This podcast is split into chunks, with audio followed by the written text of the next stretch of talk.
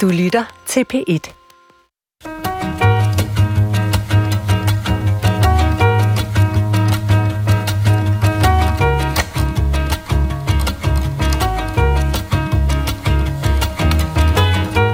Fem flotte flø- fløteboller på et flot fløtebollefart. Hvis en udlænding lærer dansk, skal hun forholde sig til hver en lyd, sproget består af. Og med lidt held, så kommer hun til at sætte lydene sammen i en nogenlunde forståelig rækkefølge. Viden om, hvordan sprog lyder, hedder fonetik, og det er den videnskab, vi retter hørerøret mod i dagens udgave af Klog på Sprog. For du har nemlig stillet ind på det program på P1, hvor vi undersøger sproget fra stort set alle tænkelige vinkler. Og i dag så stiller vi altså skarpt på selve det at analysere sproget bogstav for bogstav. Og hvorfor det eventuelt kan være svært for nogle at sige fem flade flødeboller på et fladt flødebollefad. Ha, der fik jeg den. Øh, det vender vi tilbage til senere i udsendelsen, for jeg går en lille omvej. Vi tager udgangspunkt i bogen Udtalt, det er en introduktion til dansk fonetik. Den er relanceret det her efterår, og vi har to af bogens forfattere i studiet. De er begge sprogforskere ved Københavns Universitet. Marie Mægaard og Jan Hegård Petersen. Velkommen til jer begge to. Tak. Marie Mægaard, hvis man beskæftiger sig med sprogvidenskab, øh, hvad er det, man skal bruge begrebet fonetik til? Man kan jo sige helt grundlæggende, at øh, sprog er jo også lyd talesprog er jo lyd, øh, så lyd er jo helt fundamentalt for, for det sproglige. Og derfor, hvis man vil undersøge, hvad sprog er for noget, så er det meget vigtigt, at man også undersøger sprogets lyde. Men er der noget i det her, som minder lidt om, om en, en lille dreng, som tager en myre og piller øh, benene af den en af gangen? Altså er det så meget nede i detaljen, at man analyserer sproget med fonetik? Ja, det er det jo. Det kan det jo være. Det kan også være mere, øh, så ikke overfladisk, men mere øh, overbliksagtigt. Øh, men selvfølgelig de her helt øh, detaljerede analyser, som, øh, som vi laver, som vi også foretager i bogen, de er, er vigtige for at forstå, hvordan øh, sproget lydligt hænger sammen. Så kan, er, er det det her, man kan kalde et redskabsfag? Altså at man skal vide, hvordan man analyserer sproget for bedre at kunne forstå det? Det er et redskabsfag. Det ved jeg ikke, om, øh, om jeg vil sige. Det Hvad siger være, du til det, Jan Nej, det er i hvert Petersen? fald, det er fald ikke kun, men det kan det sagtens øh, bruges som. Altså man, en, en god fonetisk forståelse er baggrunden for at kunne give en god indføring i skriftsproget, som mm-hmm. man skal lære folk at øh, stave og skrive, øh, enten de små børn og det fremmede, og det er også en giver en god forudsætning for at kunne lære øh, fremmedsprog, når det kommer til Danmark, at tale nogenlunde forståeligt dansk. Men vi er jo vant til at kommunikere skriftligt. Altså blandt andet, jeg ved godt, vi er også meget at kommunikere, for eksempel her i radioen mundtligt, men altså vi er jo vant til, når vi læser, hvad andre mennesker siger, så ved vi øh, nogenlunde, hvad det er, de siger. Vi ved også nogenlunde, hvordan det udtales, det de skriver til os. Øh, hvorfor skal man derudover også have det er jo nærmest et parallelt alfabet, I bruger til at beskrive de lyde, der kommer ud af munden på os, når vi siger noget, som står på skrift på en anden måde. Øh, først, vi går lige bag de spørgsmål og siger, at jeg er ikke enig i, at vi først og fremmest bruger skrift. Vi bruger først og fremmest talesprog, ikke kun i radioen. Prøv at tænke på, hvor mange samtaler du fører i løbet af en dag. Okay. Og hvor meget mindre skrift du faktisk bruger. Ja, du læser meget, du er også en, der læser ja. meget, men først ja. og fremmest selv Sender meget mange e-mails og så videre. Ja, Ja. talesproget ja. er, står over øh, skriftsproget for langt de fleste. Okay. Så det er Nu står den 1-1. 1-2, 1-0. 1-1. 1-1. Fair nok. Whatever. Ja. ja. Og så dit spørgsmål, som gik på, ja, når man skal vise, hvad der faktisk bliver sagt, så duer et alfabet ikke. Fordi alfabet har tit færre bogstaver, end der er lyde, så man må have et særligt alfabet, og det er så et lydskriftalfabet. Og den bog, vi så har skrevet, som er baggrund for, at vi står her, den forsøger at give en indføring i, hvordan man med et lydskriftalfabet kan vise, hvilke lyde, der er vigtige, og hvilke der er er til stede, men måske ikke lige så vigtige i dansk. Okay. Altså senere i udsendelsen, så går vi også ind i sådan de øh, største lydlige udfordringer, der kan være for udlændinge, når øh, de skal lære dansk. Mit navn er Adrian Hughes, og jeg byder hermed velkommen til den første udgave af Klog på Sprog efter vores sommerferie. Marie Mægaard og Jan Hegård Petersen, altså I er jo øh, to ud af fire forfattere til bogen udtalt, som skal fungere som en grundbog i dansk fonetik. Så I burde jo være nogle af de aller, allerbedste i universet, i hvert fald i Danmark, til at fortælle mig, hvad er de mest særlige lyde øh, på dansk? Altså, hvad er det for nogle lyde, som vi har på dansk, som vi ikke har på andre sprog? Der er øh, det bløde D, som det bliver kaldt. Det vi har sidst i ord som med og mad. Det er, jeg vil, hvis man ser efter i andre sprog og kigger på mange sprog nok, så finder man nok noget lignende. Men i de fleste sprog, vi sammenligner med os med, der har man ikke den, det bløde D på den måde. Man har noget, der ligner på engelsk, men det, det er jo faktisk en konsonant på engelsk. Med dem. På så, så, det... så på engelsk er det, det den tætteste lyd, man har på engelsk, det er det, som repræsenteres af TH'et i the eller them. Ja, Ja. Og, og der er det jo en konsonant, men på dansk er det sådan en mellemting mellem vokaler og en konsonant. Og det er, øh, det er noget, man skal være opmærksom på, når man skal lære dansk. Hvordan er det en mellemting mellem en vokal og en konsonant? Ja, det, altså med... Det er... Til... Den, den lyd, vi taler om, ja. det er den her. Er det det? Nu kommer jeg til at stemme den lidt, så der kommer, lidt, ja, der kommer en lille vips med ind og ud over tænderne skærer Jamen, lidt. Den skal for guds skyld være stemt, men ikke på den måde, du gør det, fordi ja. det, du gør, er, at du laver, det kan lytteren ikke se, men du laver en kontakt mellem din tunge og et andet sted i dine taleorganer det er lige præcis det, man ikke skal på dansk. Med, så, og, med, med. Ja, nu, ja, nu står jeg sådan, jeg gumler på det. Med. Du skal sige okay, med. Uh, uh. Altså, det, okay, så tungen skal faktisk være, for at sige det rigtige danske bløde D, så skal tungen være lige bag ved fortænderne, oppe, muligvis berørende ganen. Den må ikke berøre. Med, den må ikke berøre. Med, jeg, håber, at alle lytterne, jeg håber, at alle lytterne sidder derhjemme og, og trykker fingrene mod tændingen eller mod kinderne og siger med for sig selv. Det er den helt rigtige måde at lære dansk fonetik på. Prøve efter selv. Men den må ikke berøre. Okay. Og det er det, der gør den til en vokalagtig ting. Men, Men samtidig står den på plads i ord, hvor vi forventer konsonanter. Ja. Så det er lidt tricky. Okay. Det var altså, en Ja, okay, det var, det var så det, det bløde D. Ikke? Jeg, jeg kigger lidt på, lad os kigge lidt på, jeg forsøger at sige vokalerne. Ikke? Altså, øh, hvis man kan læse dansk, så øh, kan man jo se på alfabetet, at der findes, så vidt jeg kan se, ni danske vokaler i det danske alfabet. Det er jo, som nogle vil vide det, øh, A, E, I, O, U, Y, E, Ø, Å. Ni vokaler. Er ni vokaler dækkende, Marie Mækgaard? Nej, det er det jo ikke, og det er jo derfor, at vi har mange flere vokaler med i bogen udtalt. Så hvor mange, hvor mange vokaler kan man dele det danske sprog ind i? Hvor mange vokaler har vi på dansk? Det er et definitionsspørgsmål, kan man sige. Øh, jeg tror, i bogen har vi været 41. 41. 41. Og det er jo som, og det er jo, men det er jo fordi, vi også opererer med kort og lange, og vi opererer med stød og ikke stød. Og det er så noget som, øh, om man siger, øh, øh, som i øl eller ø, der har du ja. ikke stød på øl, på øet i øl, men du har det på ø. Men principielt set er det den samme vokal, men, men der giver ja. i den en forskellig ja. valør, ja. alt efter om man skal bruge sine mavemuskler på at sige ø. Ja. Nu laver jeg et meget demonstrativt stød ja. på ø, så der ja. næsten er to stavelser i det, ikke? så man vil sige det på Midtjylland, ja. eller i hvert fald gjorde det. Ja. Ø, ø. Ja. Eller, eller ø. Ja. Øl. Ja, og så, kan man, og så skriver også... I det ø på forskellige måder, så man, i ja. den måde, I skriver det, kan man faktisk også se af jeres lydskrift, om det er et blødt ø, eller om det er et hårdt ø, eller et tryk, tryk, tryk stærkt ja. hedder det muligt. Støt. Ja. Støt. Et vi støt ø. ja, hvis vi tager eksemplet med ø, så, kan vi, så har vi det korte som i øl. Vi kan også have et længere som i nøle. Der er det ja. ø, der er det langt, så du har øl, men du har nøle. Og så har du ø. Så de tre er tre forskellige. Det er faktisk den samme, vi vil sige, det var den samme øh, ø, kvalitet, kan man sige, men kvantiteten er forskellig. Så ø-udtalen er den samme i de tre, men du har ø, ø og ø. Og, og når det, du siger, at udtalen er den samme, så er det fordi, det altså, rent faktisk er det den samme mundform, ja. og, og tungen ligger nogenlunde det samme sted i øh, mundhulen. Ja. Og så er det kun et spørgsmål, om man ulejliger mavemusklerne til at lave et stød. Eller hvor ja, det foregår ja. i halsen, men ja. Gør det det? Ja. Nå, okay. Øh, fint. Øh... Så der kan vi sige, så har vi det er så på en måde det samme ø, men kort, lang og stød.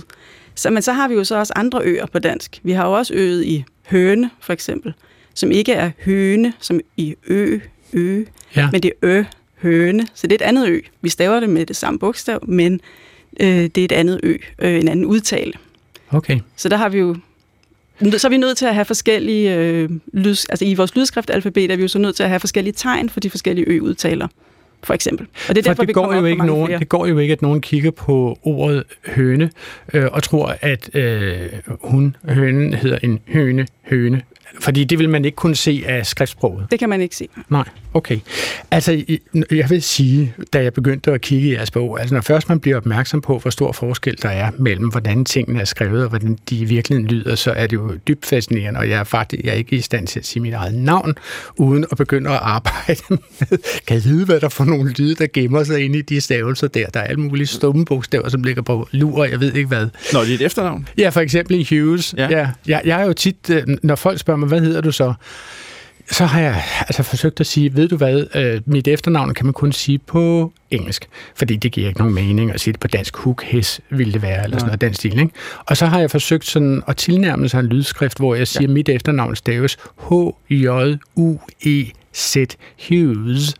Ja, øh, sættet er fint, men nu går du lidt ud over det almindelige danske lydskriftsalfabet. I stedet for det der E efter U, så skal du sætte sådan en kolonagtig ting, der viser uget er langt.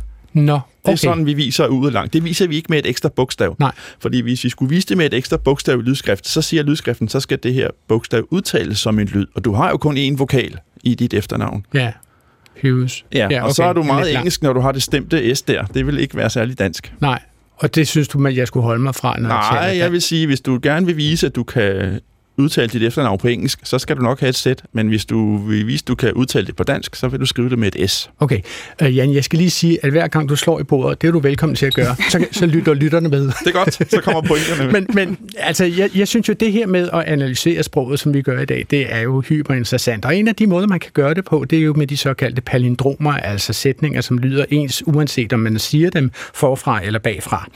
Øh, øh, og nu går jeg ud fra, at jeg har tabt lytterne fuldstændig. Nu siger jeg, det følger en meget langsomt. Altså, en af dem, der der, undskyld, nu siger jeg det igen langsomt, en af dem, der er tit red med fane.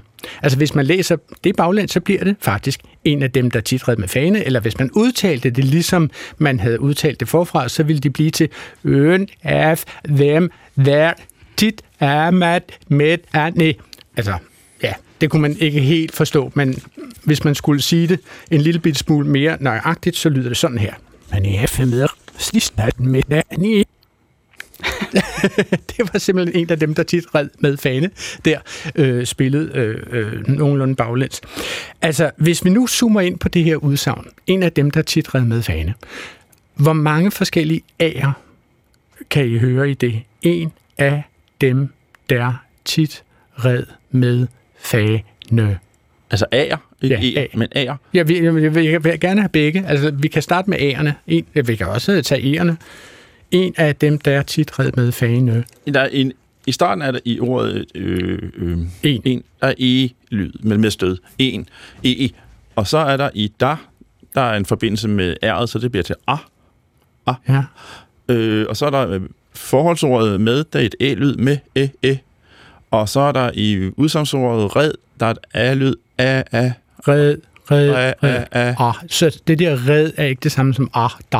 Nej, Nej, okay. nej, det er faktisk en anden A-vokal. Okay. Og Så, så du siger, det, kalder du det en A-vokal, selvom det egentlig er øh, E, der står på papiret? ja, fordi den lyder lidt som A-vokaler gør på dansk. Okay. Og det, er, det har vi i skriften, når E står efter R, Ja, så har vi faktisk en A-agtig vokal okay. øh, på dansk. Nogen, der taler lidt ældre, rigsmål, som vi kalder det, har måske en A-agtig vokal, men alle os tre, der står her, vi har en A-agtig vokal. Okay. Og så, Og så nåede vi til- frem til med og fane. Med uh, E-lyd, æ, æ, æ, Så det er kort, og I'et i fane svarer til det en, en, en svækket vokal, vi kalder en svar-vokal, som udtales øh. Ø, Nej, fane, nej, ø, ø, fane. Nej, du skal slappe helt af i maven, når du siger øh. Lidt mere slag. Mere Om et slag øjeblik lægger jeg mig op på briksen, så kan du få til at trykke mig på maven. Øh. Okay, altså det fik jeg, øh, så vidt jeg kunne tælle, var det seks forskellige... Eller fem, ja. Fem eller seks. Fem, fem eller seks forskellige E'er, bare i den sætning. En af dem, der er tit red med Ja, fane. eller bogstavet E i dansk skrift står, kan stå for fem forskellige lyde. Okay, Det er jo super vigtigt at vide, hvis man skal sige, at man ved noget om dansk. ja. Det er, det er jo meget, meget svært. Marie Mægaard, nu vil jeg lige sætte dig på en virkelig, virkelig urimelig, og, og du er velkommen til at sende en klage til generaldirektrisen om, om et øjeblik, når du går ud af studiet her. Nu vil jeg nemlig spille et palindrom for dig, som jeg har indspillet i går og, og fået redigeret, så vi kan spille det baglæns. Ja. Øh, og så prøv at høre, om du kan høre, hvad der sker i det følgende palindrom. Hvad en har da bakken ud i uden skov bare starrende dat. Ja, Mm, ja. ja. Det kan jeg ikke umiddelbart, nej. Nej. Kan vi, Altså kan vi få ifølge... den en gang til? Ja, øh, det kan du godt. Den kommer her, baglæns. Hvad en har da bakken ud i uden skov bare starrende dat. Ja. Man er muligvis fuldstændig blank. Jan, har du et Ja. bud? Nej. Nej, okay. Men, men det siger jo noget om, at hvis man spiller lyde baglæns, altså man er fuldstændig på herrens mark, så, ja. Så, så et, et bogstavs optræden i en bestemt rækkefølge øh, i et ord eller i en sætning, betyder alt for det bogstav, og, og, og hvordan det Ja. udtales. Ja.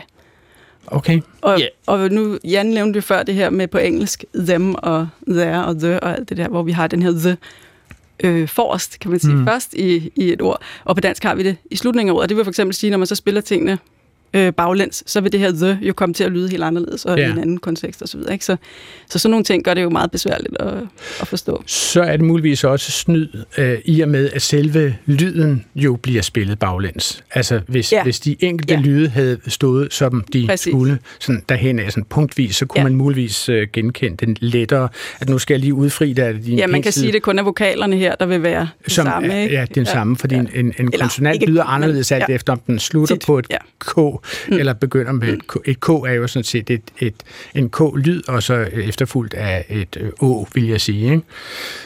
Og så med lidt længde og et stød på. Ja, så, så, så der, er, der er mange ting i spil. I skal lige høre, hvad det i virkeligheden var, jeg sagde i den der, det foregående palindrom.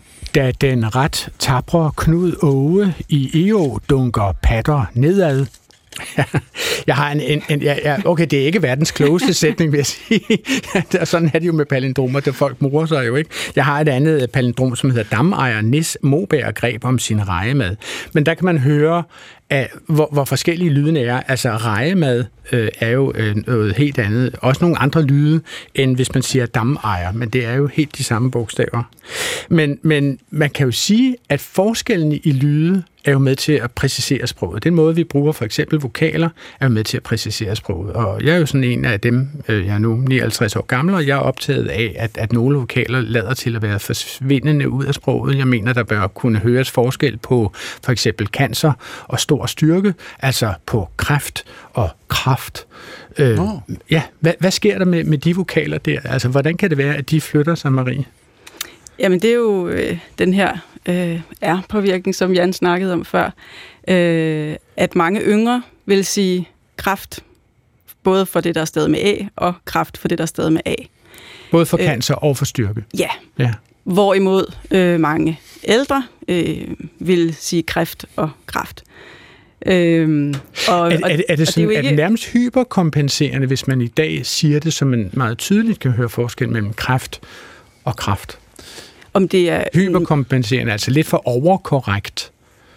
Det, nej, det tror jeg ikke. Jeg vil sige, ikke hvis, hvis det føles naturligt for dig at sige kræft, så øh, gør det jo det. Men for mange andre vil det være en, en, en unaturlig øh, udtalelse, som de ikke normalt havde i deres sprog. Mange yngre vil jo ikke øh, sige det. De vil skulle lære at sige kræft og græde mm. og alle de her Hmm. øh, udtaler, som tidligere var almindelige, i hvert fald i skal man sige, københavnsk overklasse i hvert fald, øh, almindelige udtaler, Mm. mm. øhm, men som ikke er det længere. Og jeg vil sige, det er jo ikke øh, vokaler, som forsvinder ud af sproget, det er bare lige præcis i denne her kontekst med R, at det, det forsvinder. Det er jo ikke, fordi der ikke findes æ-udtaler længere i dansk. Øh, dem har øh, de her yngre mennesker alle mulige steder, men bare ikke lige efter R'et. Så det, det, så det er en vokal, som simpelthen ændrer udtale, fordi den står et bestemt sted, øh, altså at den Ja. i grove træk altså får en eller anden form for afsmitning fra R'et, eller R'et Ja. gør noget ved den vokal. Ja, det er det. Og der er jo masser af variation i de her. Vi har jo også stadig øh, i sådan nogle ord som bremse eller bremse, for eksempel. Øh, der vil bremse være den ældre, mere konservative udtale, men det er jo faktisk også en sjællandsk udtale, som Okay. øh, mange øh, sjællænder øh, stadig har, for eksempel. Hvad siger du til det, Jan? Jeg siger, jeg siger bremse. Ja, Bremse? Og, og så, hvis nu leger jeg ikke var fra Sjælland, så vil jeg så være ældre her. ja. Men sjovt nok har jeg jo så den yngre i kraft. Jeg har ikke forskel på de to ord Okay. i udtale.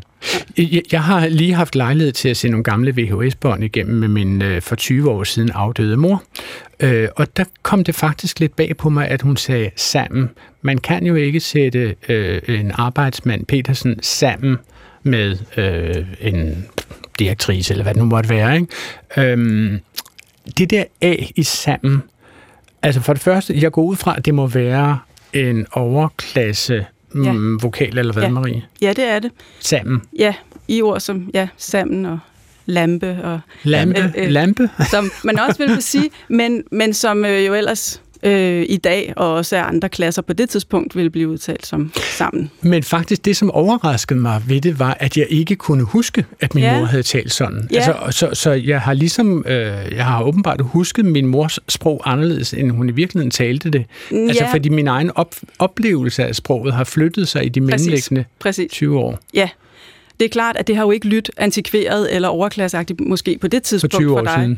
siden. Øh, fordi der har, ja, måske for 20 år siden, men hvis vi gik lidt længere tilbage, ville det måske ikke have lyttet specielt meget anderledes end, øh, end det omgivende sprog. Men nu, når du så hører det, så har øh, sproget generelt i samfundet udviklet sig, og derfor synes du jo også, at det lyder anderledes. Okay. Men det er ikke sådan, at de her A-udtaler generelt er overklasseudtalelser, al- altså sammen. At det, lige præcis i det ord er det, men vi har for eksempel ord som altså øh, og allerede, Ja. sådan noget, som, øh, som mange ældre øh, københavnere i hvert fald kan, øh, kan finde på at sige, hvis de taler lidt mere konservativt, måske lidt overklasse Ja. sprog. Øhm, så der er den her A-udtale, som jo egentlig er den samme, som man vil have i sammen, hvis man ikke talte som din mor sammen. Der er det jo egentlig en, øh, den samme A-udtale, men, men, men i ordet altså og allerede, der er det altså den, der kommer til at fremstå som noget lidt overklasse, lidt konservativt. Ikke? Nu talte det vi jo lidt om, om vokalerne E og A lige før, sådan som den kan forandres lige når den kommer efter R'et i kraft eller kræft. Øhm, altså, er, er der andre regler, man sådan kan sætte ned over? Altså for eksempel et K eller et G? Eller, altså jeg ved, på italiensk har de ret faste regler for, hvordan et C skal lyde. Nogle gange skal det udtales som et S, og hvis det står foran, jeg tror det er I, øh, O, Ø, Y, øh, og O, nu må ingen, ingen citere mig for noget som helst her, for nu, nu kører den på hukommelsen, så bliver C'et til et K. Altså der er nogle bestemte regler for, hvornår C'et er K, og hvornår det udtales som et S. For en I skal det for eksempel være et CH, så bliver det til et K. Er, der- er der samme regler på dansk? Altså, hvad siger du til, til det, Jan? Ja, det er der. Altså, bogstaverne PTK skal udtales som BDG, hvis de står efter et S, Nå. som i sparke, eller stor, eller skammel. Er, er der et ord for det? Det lyder som om, at de nærmest bliver devalueret en lille smule. De bliver en lille smule mindre skarpe. Nej, altså ikke lige der, men man kan sige, sidst i et ord, der vil øh, vi ikke have lydende P, T og K. Der vil vi have nogen, der svarer til BDG. Og det, der sker der, kan man sige, er, at det pus, der er ved P og K, og lidt også i T, at det bliver ikke udtalt. Og når ikke de bliver udtalt, så kommer de til at lyde som BDG. Så det er kun pustet i P og K, og så lidt S-agtig lyd i T, der adskiller de PTK fra BDG. Okay. Og det er vigtigt at gøre i dansk, når de PTK står sidst i et ord. For ellers så kommer det til at lyde overtydeligt, Mm-hmm. hvis du siger et P eller T eller K-lyd sidst Kan du i give et et ord. eksempel på det? Altså, Stop. Okay, ja. Det ville meget få øh, lade sig høre. Ja. Stop. Ja, så begynder man at udlæse, hvad der står på skriften. Når der står et P, så må jeg hellere sige P, men det skal man lige præcis ikke sidst i et ord. Okay, der er jo mange, der kan komme i tvivl om disse her spørgsmål, og, og nogle af dem har også sendt os øh, spørgsmål om det på klog på sprogsnabelag.dr.dk, og det bliver vi jo rigtig glade for. Øhm, og øh, der er en, som hedder Thomas Guldberg Hansen, som i øvrigt oplyser til os, at han har sendt sin mail til os fra en galakse nær os, og han øh, meddeler følgende. Han arbejder som skuespiller på Nørregårds Teater i Odense med et nyt manuskript om besætbevægelsen i 80'erne, og i den forbindelse er udtalen af efterretningstjeneste blevet diskuteret. Er udtalen med tryk på første eller tredje stavelse? Altså er det efterretningstjeneste, som Adrian lige sagde, eller er det efterretningstjeneste? Lægges trykket på tredje, så taber jeg en øh, liter cola til min kollega, der hævder, at han er sprogklogere end jeg, siger altså Thomas Guldberg Madsen. Hvor skal man lægge trykket i efterretningstjeneste? Øhm, jamen, der kan vi måske glæde lytteren med, at øh, der ikke rigtig er noget korrekt svar på det her. Fordi øh, på dansk, der har vi ikke regler for korrekt udtale. Altså, vi har ikke udtalenormering på dansk. Okay. Vi har skriftsprogsnormering, vi har øh, dansk sprognævn, der fastlægger, hvad der er den rigtige måde at stave på. Så der er en skrive på, så retskrivning. Der er en retskrivning. Ja, Men vi som har offentlige ikke, instanser skal Ja. benytte. Præcis. Ja. Det har vi ikke med udtale. Så derfor kan vi ikke sige, at den rigtige udtale er efterretning eller efterretning. øh, hvad, der, hvad det er, der er den rigtige udtale der. Men vi kan jo sige noget om, hvad der er måske det hyppigste, og hvis man slår op i ordbøger og øh, udtaleordbøger også, og så videre, så kan man se, at den mest hyppige udtale er efterretning og efterretningstjeneste. Men altså man, kan også på det på første, første efterretning. efterretning. Okay. Øhm, og hvis man har trykt på tredje, altså efterretningstjeneste, så øh, er det for det første en ældre udtale, men den er jo også øh, en fagudtale, som dem, der selv arbejder i efterretningstjenesten, de bruger, når man øh, Så det bliver et fagudtryk fra. faktisk? Ja, det bliver et eller fagudtryk. En måde at tale et fagsprog? Ja, til gengæld kan vi jo så også se, at for eksempel i TV-avisen, når man fortæller om efterretningstjenesten, der er det tit, at man siger, tryk på det her tredje stavelse, altså efterretning, ligesom de selv gør. Okay. Øh, på trods af det andet, måske er det mere almindeligt at sige. Så der så, bliver fagsproget ligesom det, som bliver formidlet videre i øh, Altså, Kunne man- så om, om, om det resulterer i 1,25 liter cola til det er det. øh, Thomas Guldberg Hansen, det øh, bliver, bliver han nødt til at finde ud af. Men øh, vi lader den ligge der. Fordi øh, jeg vil gerne lidt mere ind i den her meget store forskel, som vi nu har talt om på forskellige måder, mellem øh, hvad vi siger og hvad vi skriver. Altså Marie Magård, skiller dansk sig ud i international sammenhæng som et sprog, hvor vores skriftsprog er meget anderledes end det, vi taler? Det er i hvert fald meget anderledes. Øh, der er også andre sprog, hvor talesproget og skriftsproget ligger meget langt fra hinanden. Men på dansk, der er vi, øh, vi har udviklet talesproget igennem mange hundrede år, øh, men vi har ikke udviklet øh, skriftsproget på samme måde. Så når vi ændrer en udtale af noget, så ændrer vi ikke automatisk også på skrift. Og hvil, hvilke andre sprog har en stor afstand mellem, hvad de siger og hvad de skriver? Jamen for eksempel sådan noget som engelsk. Øh, der er vi jo vant til, fordi vi har lært engelsk så tidligt måske, øh, at vi ikke tænker så meget over det, men der står jo tit utrolig mange bogstaver øh, i et engelsk ord, som vi ikke udtaler. Ja. Øh, og for eksempel i dit efternavn, ikke, kan vi jo sige, Hughes. ja, at det kunne man på en måde stave med fire bogstaver måske, eller, Ja, eller bare sagtens. tre måske. Ja. Nå, okay. Men, Men, øhm, du, du er velkommen. øhm, som HUS måske, eller et eller andet. Ja. Men, men, øhm, men, altså, men jeg i tror, på fald, engelsk, der er- der, ja. på engelsk flyner man meget ud over, at uh, plow og thought og cough Ja, uh, faktisk er stavet Ja. på med de samme bogstaver, nemlig O, Ja. U, G, H. Og Ja. det der GH, ja, det har fanden jo skabt. og det er jo sådan noget, man så skal vide, Ja, ikke? det skal Øh, man hvordan, det, hvordan det skal udtales. Men, men hvorfor er det sådan, Marie? Altså, hvorfor, hvorfor har vi ikke rettet vores skriftsprog ind, så vi skriver, som vi taler? Altså, så vidt jeg forstår, så gør nordmændene da det. Ja, det gør nordmændene, og det er også specielt, at nordmændene gør det, kan man sige. Det, dansk er måske et sprog, som har specielt langt fra talesprog til skriftsprog, og nordmændene eller norsk er så til gengæld et, øh, et samfund, hvor de har valgt at have meget øh, et skriftsprog, der ligger meget tæt på udtalen. Altså for eksempel ordet station på norsk, det er, så vidt jeg kan huske, det er bare S-T-A-S-J-O-N, station. Ja, og de er det, fordi de sprogpolitisk har haft nogle idéer om, at det, at det skal ligge tæt på udtalen. Så hvis man siger en SJ-lyd, så skal der ikke stå øh, STI. Ja. Hvorfor synes de, at det skal, hvorfor synes nordmændene, at deres skriftsprog skal ligge tættere på udtalen, end danskerne til synlædende synes? de? Jamen faktisk kan man sige, at udviklingen af det norske skriftsprog, nu har de jo faktisk to forskellige skriftsprog, nynorsk og bogmål, og inden for hver skriftsprog har de en kæmpe variation også med alle mulige muligheder for at stave på forskellige måder. Men det, der var det vigtige for nordmændene, det var, at da de blev fri for danskerne i 1814, der var det vigtigt at lave et øh, nyt skriftsprog, som var tættere på det norske talesprog og på det norske sprog, Okay. i stedet for, at man som hidtil havde brugt øh, det danske Okay, øh, skriftsprog. Så derfor har det været vigtigt for dem at udvikle noget, der er langt tættere på norsk talesprog. så det, det er et politisk projekt i virkeligheden. Det, Det er et det sprogpolitisk lyder som et projekt. identitetspolitisk projekt, at de ligesom ja. Ville vise, at de var ude af, hvad kalder de det, 400 års vinteren. 418, ja, 400 års præcis. natten. Ja, Nu var de færdige med de der danskere. ja. Så, så, så det er et politisk projekt at stave i virkeligheden. Ja, det er det. Det er, det er et, øh, et sprogpolitisk projekt. Øh, samtidig har de så i Norge mange flere dialekter og meget mere variation, end vi har øh, på dansk. Øh, og det betyder så også noget for den måde, når de så siger, at man skal stave på den måde, man øh, taler, så vil der jo også være en kæmpe variation i skriftsproget, fordi de taler forskelligt. Men måske er det også sådan på dansk, at, at, at vi et par gange har set, at hvis vi forsøger at ændre på vores stavemåde, så er der mange sprogkonservative eller stavekonservative, som råber vagt i gevær. Og altså i den grad stikker hovedet op af hullerne og, og, og går i krig mod det. Altså den store mayonnaisekrig, øh, kan vi, er der nogle af os, der kan huske osv. Er det simpelthen svært i Danmark at lave om på skriftsproget, stavemåden? Ja, det er det. Øh, og det er ikke fordi, øh, at man i Dansk Sprognævn, som jo er dem, der skal udføre det, har den holdning nødvendigvis, at det skal man ikke. Men man kan se, at, når, at der er en folkelig modstand mod det, simpelthen. Der er simpelthen mange, som ikke kan lide, at ord lige pludselig ikke må blive stavet på en anden måde, øh, eller på en gammel måde, men, men der skal staves på en ny måde. Og selvom man kan gøre skriftsystemet mere lydret og, og nemmere at gå til, både for børn og for svage staver og voksne og for udlændinge, så ved ganske få tiltag i dansk retskrivning, så være dansk sprognævn så ved at gøre det, eller være tale for det, fordi de ved, at de vil føre til modstand. De får simpelthen det, der på moderne dansk hedder en shitstorm ud af det. Det kan du blande på, de gør. okay.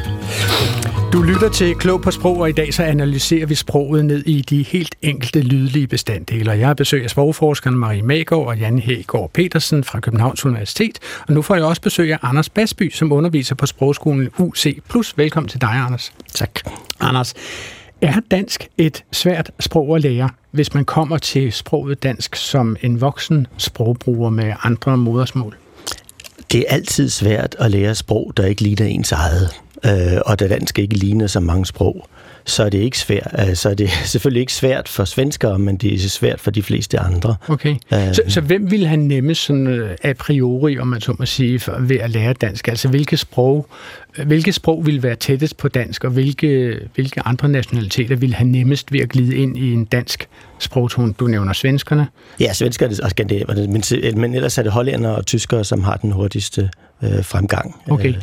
Er det noget grammatisk, eller er det, er det, sådan, er det, nu, er det de, de ord, som ligger inde i bunden på altså, dem? Eller? Øh, nej, det er både noget strukturelt, altså grammatisk, hvad for en rækkefølge vi sætter ordene sammen i, og noget lydligt. Øh, tyskerne har, øh, og hollænderne har en stor del af det samme lydinventar, som vi har. Ja. De har øer, der der er mange sprog, der ikke har.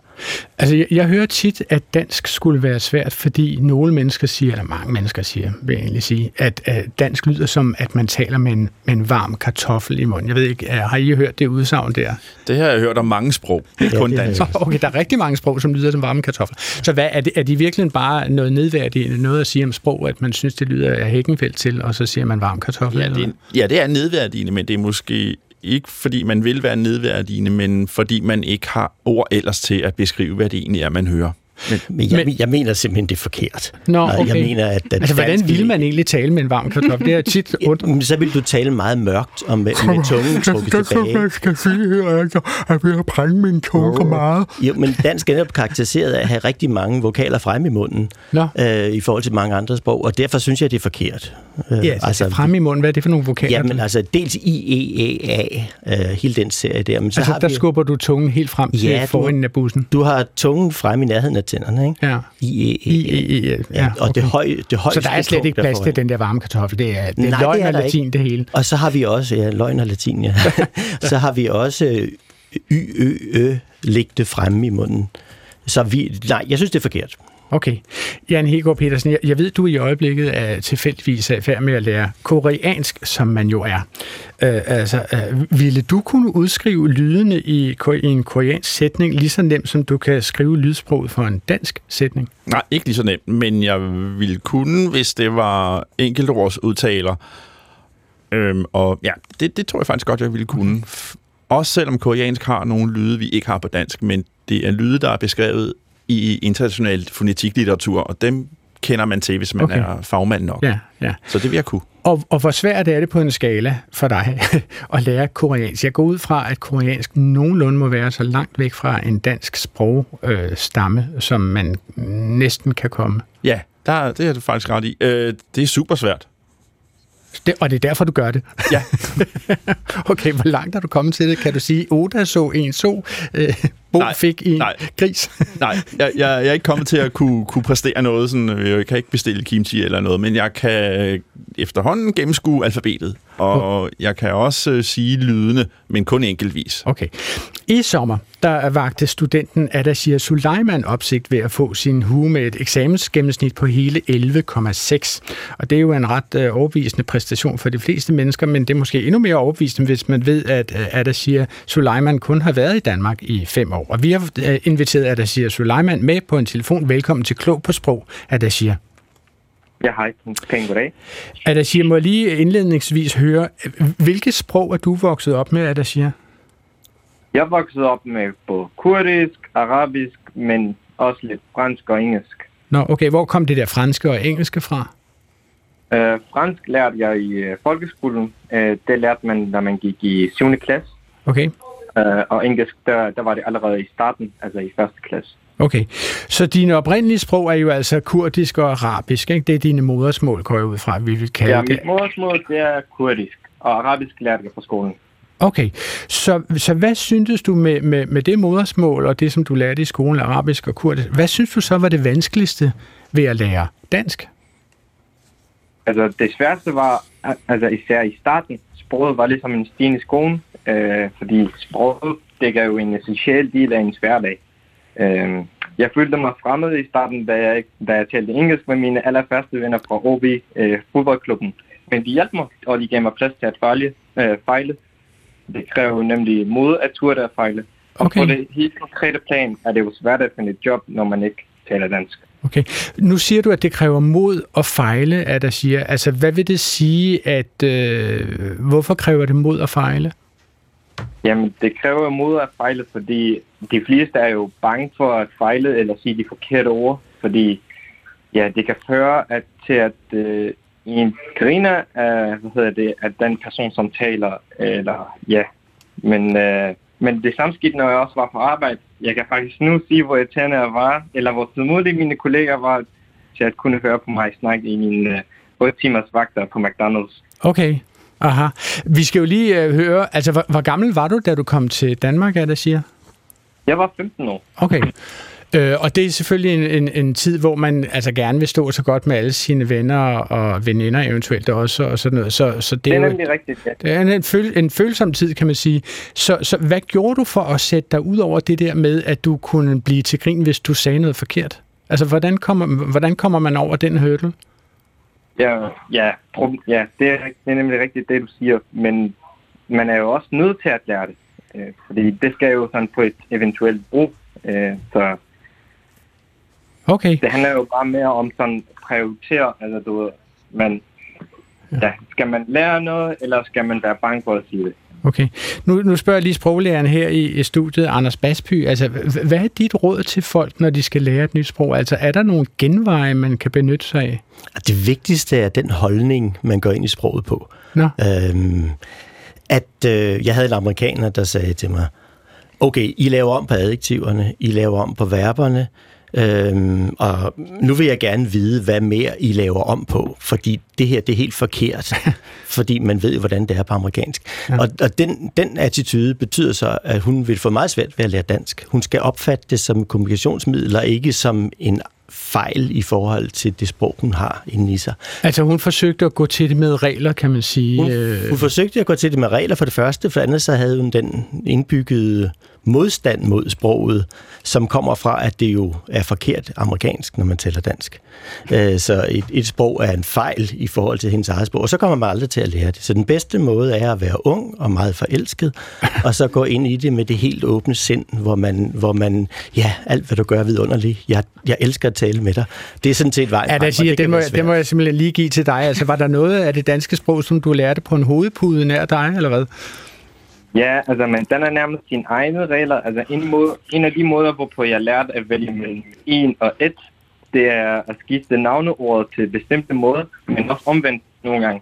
For eksempel ligesom øh, et liv, så siger man livet, og en liv, så siger man liven. Og så tænker man på, hvilket der giver mest mening i mit hoved.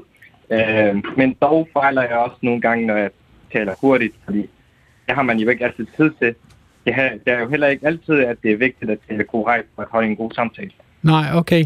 Så, så det er faktisk også en regel, kan man sige, at hvis du siger, at det er ikke vigtigt altid at tale korrekt, så siger du også i virkeligheden, at det er vigtigere at tale, end at tale korrekt.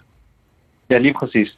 Ja, men Okay. det er også rigtigt. At, og handler det, nu, heller ikke- det giver jeg lige til Anders Basby her i studiet. Er, er det også en, en grundregel? Ja, meget vigtig grundregel, fordi at lære at tale gør man kun ved at tale. Man kan ikke lære at tale ved at læse regler. Okay. Øh, fonetik er fantastisk nyttig for næ- læreren, så han kan hjælpe sine kursister. Men kursisterne skal ikke sidde og læse videnskabelig fonetik. De skal prøve, hmm. og så skal de have hjælp fra deres medstuderende eller fra, fra læreren.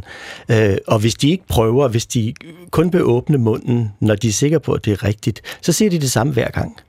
Og så lærer de ikke noget nyt. Men altså, man bliver nødt til at formulere en, så lave en sætning, få det feedback, der kommer fra, fordi folk de løfter et øjenbryn og siger, hvad, hvad sker der her, eller giver en noget forkert i hånden. Øh, og så prøv igen og prøv igen, og hvis du, hvis du ikke lærer fejl, så får du altså ingen feedback. Øh. Er der, siger, altså der, der, er jo der er en del forskellige ord på dansk, som kan minde meget om hinanden, især hvis man kigger på dem bare på skrift. Altså, man staver jo øh, sig, øh, du ved, bydeformen af verbet at sige. Det staver man på samme måde som det refleksive pronomen sig. Sig og sig øh, øh, staves på samme måde. Altså, for, sådan noget som det, hvordan lærte du at kende forskel på det, er der siger? Jamen, det er jo selvfølgelig, der er jo selvfølgelig nogle udfordringer, når det kommer til udtalelsen. Trykker på de forskellige bogstaver og øh, kan gøre en stor forskel, og trykker på de forskellige ord kan også gøre en stor forskel for, hvordan sætningen skal opfattes. Øh, jamen nu, når du nævner det med øh, sig og, øh, og sig, jeg har faktisk oplevet noget lignende, øh, fordi der er jo forskel øh, mellem øh, to verber, nemlig at sige og at se. Ja. Øhm, og det, tænkte, det får mig til at tænke på dengang, jeg ikke kendte forskel mellem dem. Jeg sagde til min veninde på folkeskolen, at vi skal sige film, og hun sagde film. Og så sagde jeg, øh, ja, vi skal sige amerikansk, øh, øh, American History X. Og hun begyndte så bare efter mig, fordi jeg blev ved med at sige sige, i stedet for at sige at se. Øh, øh, og, og, så, uh, og så fortsatte jeg med at forklare, hvad vi skulle sige, i stedet for at uh, forklare, hvad vi skulle se. Øh, indtil hun selv fandt ud af, at jeg mente C-film og ikke C-film. Ja, det er også mærkeligt. Det er jo en meget, meget lille forskel i virkeligheden, som giver en... Altså, der er en meget lille forskel i udtalen, som giver en meget stor forskel i betydningen. Det er jo grotesk, at det kan ligge altså, i så lille en vokal. Altså, er det i virkeligheden det, fonetik handler om, Marie? At, at simpelthen øh, zoome ind på sådan en lille bitte vokal som E'et i C og I'et i Si? Ja, det er det jo, og det er jo ikke alle sprog, hvor, øh, hvor det er distinktivt, som vi vil kalde det, at det altså betyder to forskellige ting. I nogle sprog, der er der jo ikke forskel på, om man siger det på den ene eller den anden måde. Det betyder det samme. Men, så der, der kan det jo være en udfordring, når man så skal til at dele det op og, og udtale det på to forskellige måder. Men er, kan man sige, at der generelt er mange snubletråde i dansk af, af denne her type, altså en lille vokal, som kan gemme på en stor betydningsforskel? Nemt spørger Ja, ja jeg, jeg, jeg kaster den ud i, i studiet. Altså, du kan prøve, Jan, eller øh, Nej, det, det tror jeg ikke, man kan sige. Jeg, man, man kan i hvert fald gøre opmærksom på, hvor de er, og så sige, hvis du kan dem her, altså lave forskel på CSC, så øh, vil du have et vist niveau. Øh, spørgsmålet er også om, hvilket niveau man faktisk skal kunne tale dansk på. Og nu øh, vores øh, med øh, gæst her, han, han vil jo åbenbart op på det helt store niveau, og han går derefter, og det er super fint, de gode ting, han har gjort. Men øhm, jeg tror sådan set ikke, øh, andre sprog har færre af den slags snubletråde. Okay. Hvad er din erfaring, Anders? Altså, de folk, jeg underviser på, de er overvældet over øh, det store antal vokaler, som I også selv nævnte. Og det antal vokaler betyder, at der er mange snubletråde. Altså, vi har, de, de, ligger, de ligger tæt. Ja. Og, og jeg tror, at det tal, I nævnte, var det ikke 41? Eller? deroppe omkring. Jo, jo, men dem jo. kunne vi jo så reducere, som Marie også fortalte. Så, det, så der kom lidt færre snubletråde. Ja. Jeg tror, det min pointe, uh, Anders, er her, at du kan jo tage engelsk, og så kan du finde nogle andre snubletråde. Ja. Der er meget store udfordringer med at lære engelske vokaler. For eksempel det, vi kalder bagtungvokalerne, hvor tungen, den bedste del af tungen bliver aktiveret. Hvad er det for nogen? Kan du sige et ord på engelsk? Som ja, rough eller øh, rough. hard, eller de vokaler, der ligger i den del af munden, der skal man nærmest have engelsk som modersmål for at kunne ramme den korrekt. Nå, okay. Er det, Signe, må jeg spørge, altså, øhm, er, er der nogle kulturelle forskelle, du har noteret dig i, i hvad, hvad man kan sige på kurdisk eller arabisk, og hvad man kan sige på dansk? Ja, det er der, det er der ja. Og hvad, hvad er det for nogen? Ja, altså for eksempel vores øh, hilsemåde er jo heller ikke det samme, øh, og den måde, vi siger farvel til hinanden, er jo heller ikke det samme. Okay, og, og hvor I består forskellene? Er der, er der noget, du synes bedre om end, end andet? Er det, er det mere formelt eller mere uformelt, eller hvad, ja. hvad er forskellen? Ja, lige præcis. Ja, for mig virker det sådan meget formelt på kurdisk, når man siger farvel til hinanden, men også på arabisk. Men øh, på dansk, der er det jo sådan lidt mere energisk, når man siger det. Øh, jeg føler bare, altså sådan, når jeg bruger dansk, så er det jo, så skaber det bare en god stemning. Ja. Øh, Ja, men, må, må, må, må jeg høre, hvordan det lyder, hvis man siger farvel på en, for, for, på en formel måde på for eksempel arabisk? Man siger salamu alaikum. Det er okay. også den samme måde, hvor man siger, at man hilser på hinanden. Øh. Okay, og, og betyder det noget? Hvad betyder det, du siger der? Altså, har det en, en anden betydning end bare farvel? Salam ja, alaikum. det betyder jo, det betyder jo bare øh, fred på jer. Okay. Altså, man byder andre mennesker øh, Guds fred, eller hvad det er. Er, er, er alle med i det her? Altså, bliver, bliver alle nævnt i Aleikum? Nej, det, det, nej. Nej. Det, det, det gør man ikke. Okay, Øhm, så det er ikke sådan. Okay, Hva, hva, hvad med selve det der med at bande på, på dansk, eller på kurdisk og på arabisk? det lyder faktisk meget voldsommere, når man bander på kurdisk, end det er på dansk. Hvorfor det? Det ved jeg ikke. Altså, det det, det okay. føles bare sådan, men øh, det er jo bare på... Jeg tror, det handler også om øh, vokalerne. Øh, øh, fordi der er jo ikke så mange... Vi bruger ikke så mange vokaler øh, på kurdisk. Det er mere groft. Okay. Øh, øh, Er der siger, må, må jeg spørge, jeg har hørt, at, at andre mennesker, som er, er næsten lige så ambitiøse med at lære dansk, som du er tydeligvis, øh, de, har, de har sat sig ned på deres flade på og har set tv-serien Matador for eksempel, hvor man synes, øh, det er der nogen, der mener, kan give en indføring af i hvert fald dele af den danske kultur. Har, har du på, på anden måde sådan, altså, øh, givet dig selv en øh, lektie for øh, i populærkulturen for at øh, se en hel masse dansk på en gang? Ja, det er faktisk nemlig rigtigt. Fordi her er det jo faktisk nemlig øh, vigtigt at, øh, at, øh, hvad hedder det, at lytte. Det handler jo ikke kun om at tale og snakke meget, men man skal også lytte godt efter. Man skal nemlig spidse ører. Øh, det hjælper, når man gerne vil øve sit ordforråd og udtale ordene rigtigt. Øh, jeg, jeg kan huske på et tidspunkt, så jeg øh, fem øh, de, øh, debatprogram øh, fem afsnit af dem sådan i træk, bare fordi jeg gerne vil øve mig og blive bedre til at argumentere. Altså taler vi om Clement Beren Kærsgaards debatten på DR2? Ja, lige præcis. Ja. Jamen altså, der går det jo over stok og sten, at der siger, det går jo, det er jo simpelthen så hurtigt. Der er jo en hel masse gamle mennesker, som slet ikke kan følge med i at lytte på, hvad der sker i den udsendelse. Og det sad du og lyttede til og så? ja, lige præcis. Jeg, skulle, jeg, jeg, jeg kan huske, at jeg begyndte at skrive deres navne og deres argumenter, og, hvad, hvad de, og så begyndte jeg sådan nogle gange at oversætte de forskellige øh, ord, øh, men også slå dem op på den danske ordbog, bare for at sige, hvad de betyder. Okay, fantastisk. Anders Basby, hvad, hvad, hvad kan andre sproglærere, altså folk, som skal lære det danske sprog, hvad kan de lære af, af det, siger Suleiman her?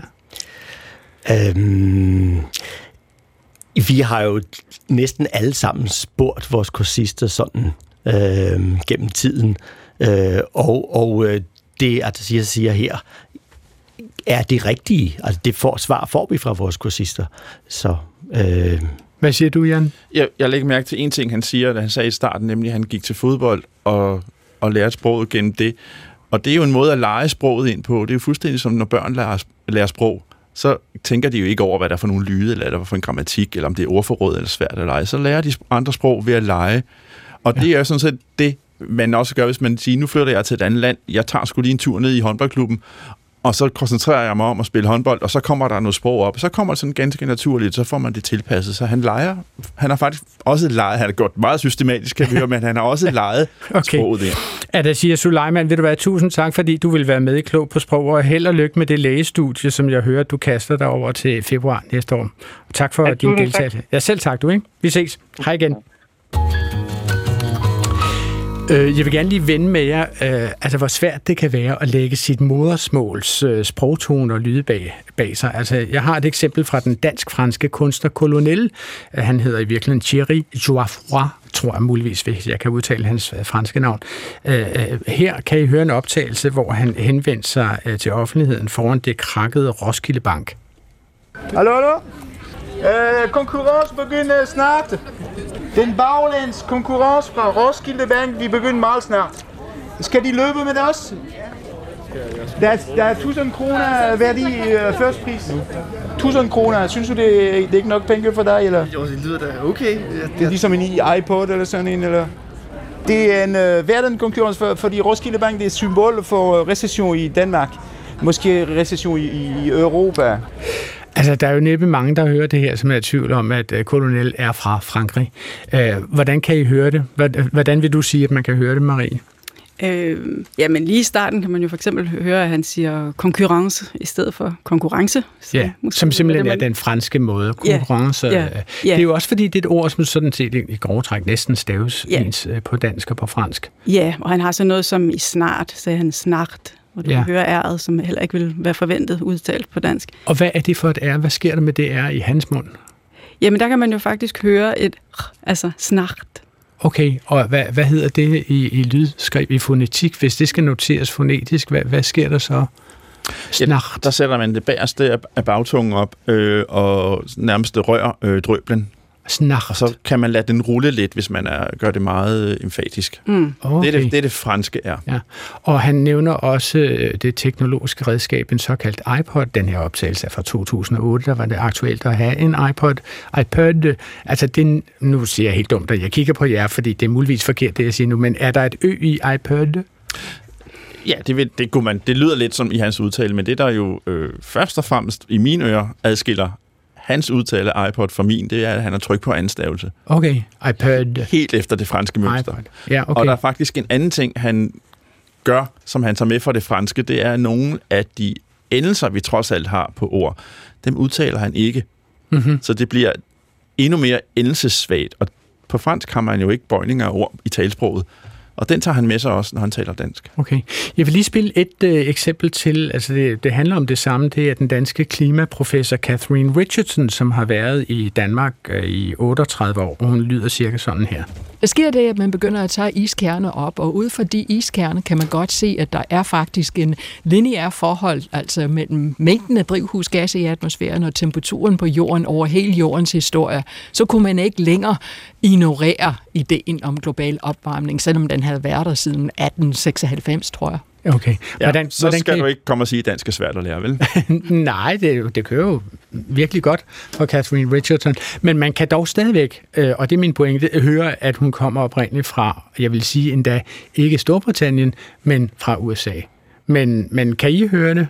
Hvad, hvad er det ved, ved Catherine Richardsons måde, hendes version, hendes variation af dansk, som gør, at man kan høre, at hun er fra et eller andet sted i udlandet?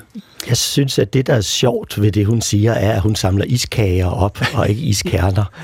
Fordi den okay. diftong, som er kær, kær som er ret hurtig, ja. er a og. Det er en, vi kalder dem diftong, når der er to lyde sammen. Ja. To vokallyde, der gider. Der får hun lavet for lang en del først, som hun siger, iskagerne. Ja. Og, og så bliver det så bliver det til en kage. Ja, fordi, og det er en lidt tør eller kedelig iskage, hun får op af isen der, ikke, hvis hun skal spise den. Hendes så, stød var lidt kraftig. Mm, mm, og hendes stød var... Ja. I forhold til en imod, men det er jo ikke noget, der forhindrer, hvad, hvad ikke noget, der forhindrer kommunikation Nej, nej, vi forstår, for det, det er så udmærket. Hvad er det for nogle stød, du siger er for kraftige? Ja, mængden, tror jeg, hun sagde, øh, i stedet for mængden. Og det bliver lidt for voldsomt lukket ned i stemmelæberne. Ja. Men der er også nogle stød, som hun udlader. Altså, når hun siger 1896, så siger hun 1896. Ja. Der er slet ikke noget stød i femmes i den sammenhæng der. Altså, hvorfor er det så svært at fralære sig ens modersmåls særlige øh, stødvaner og, og For, øh, sproglige øh, toner? Forhåbentlig, fordi det ikke er vigtigt. Mm. Øh, fordi øh, altså, både den forrige, som jeg, jeg var ret imponeret af en fransk mand, som øh, i forhold til, hvordan franskmænd tit har svært ved at lægge deres modersmål fra sig, faktisk talte meget, meget, meget fint.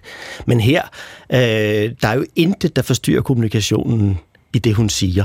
Nej, altså vi synes vel nærmest, at det bare lyder ja. charmerende, ikke? Er det, er det, er det ikke ja. den overvejende um, konnotation, jo. man får? Når... Jamen altså, jeg tænker jo lidt, at når du spørger om det, hvorfor er det så svært at lægge det af, så har du også, du har jo allerede en præmis om, at hun burde, eller at hun faktisk prøver at øh, lyde som en indfødt dansker. Det er jo ikke nødvendigvis sådan, at man skal det. Hmm. Øhm, fordi, som Anders siger, vi forstår jo alle sammen, hvad der bliver sagt, både af den franske og af den amerikanske taler. Øhm, så, så, så hvorfor er det egentlig, at man skal få det endnu tættere på noget, der lyder som om, at man er født med det sprog? Hmm. Øh, det, det er jo ikke nødvendigvis sådan, det behøver at være. Nu talte vi jo i starten lige øh, ganske kort vej, vi spillede et lille klip, hvor der var en, som forsøgte at sige øh, fem flade flødeboller på et fladt flødebollefad. Og jeg går ud fra, at det er sådan en sætning, som vi driller udlændinge med. Øh, kan du ikke lige prøve at sige dette? Og den anden klassiker i genren er jo rød grød med fløde. Lad os lige tage den første. Hvorfor er det overhovedet sjovt at drille en udlænding med at bede vedkommende om at sige fem flade flødeboller på et fladt flødebollefad? Fordi så kan man teste andres sprogekvilibrisme. Vi kan også godt lide at drille hinanden med det jo. At, okay. hvor, hvor, hvor vaks er du lige til at sige den her sætning, Marie, kunne jeg sige. Men hvorfor er den svær?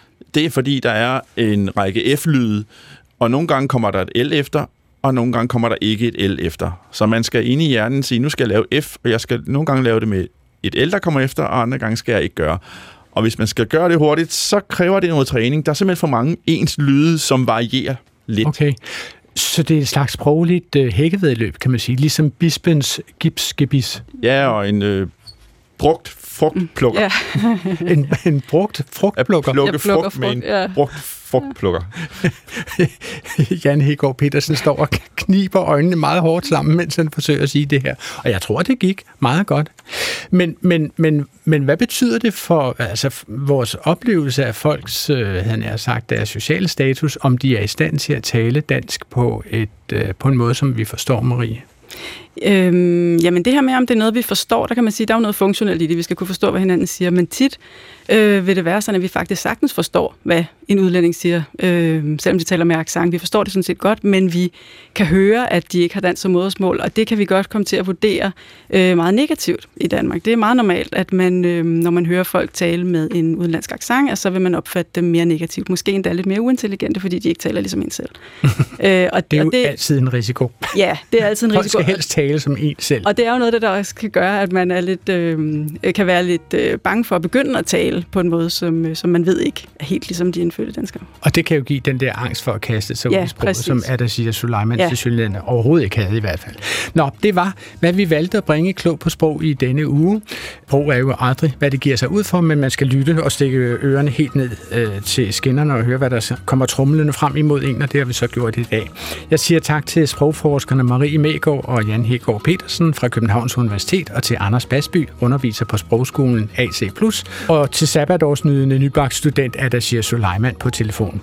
Programmet er tilrettelagt af Svala, Sigfuser Dodger og Anna Sonja Brun. På genhør næste fredag.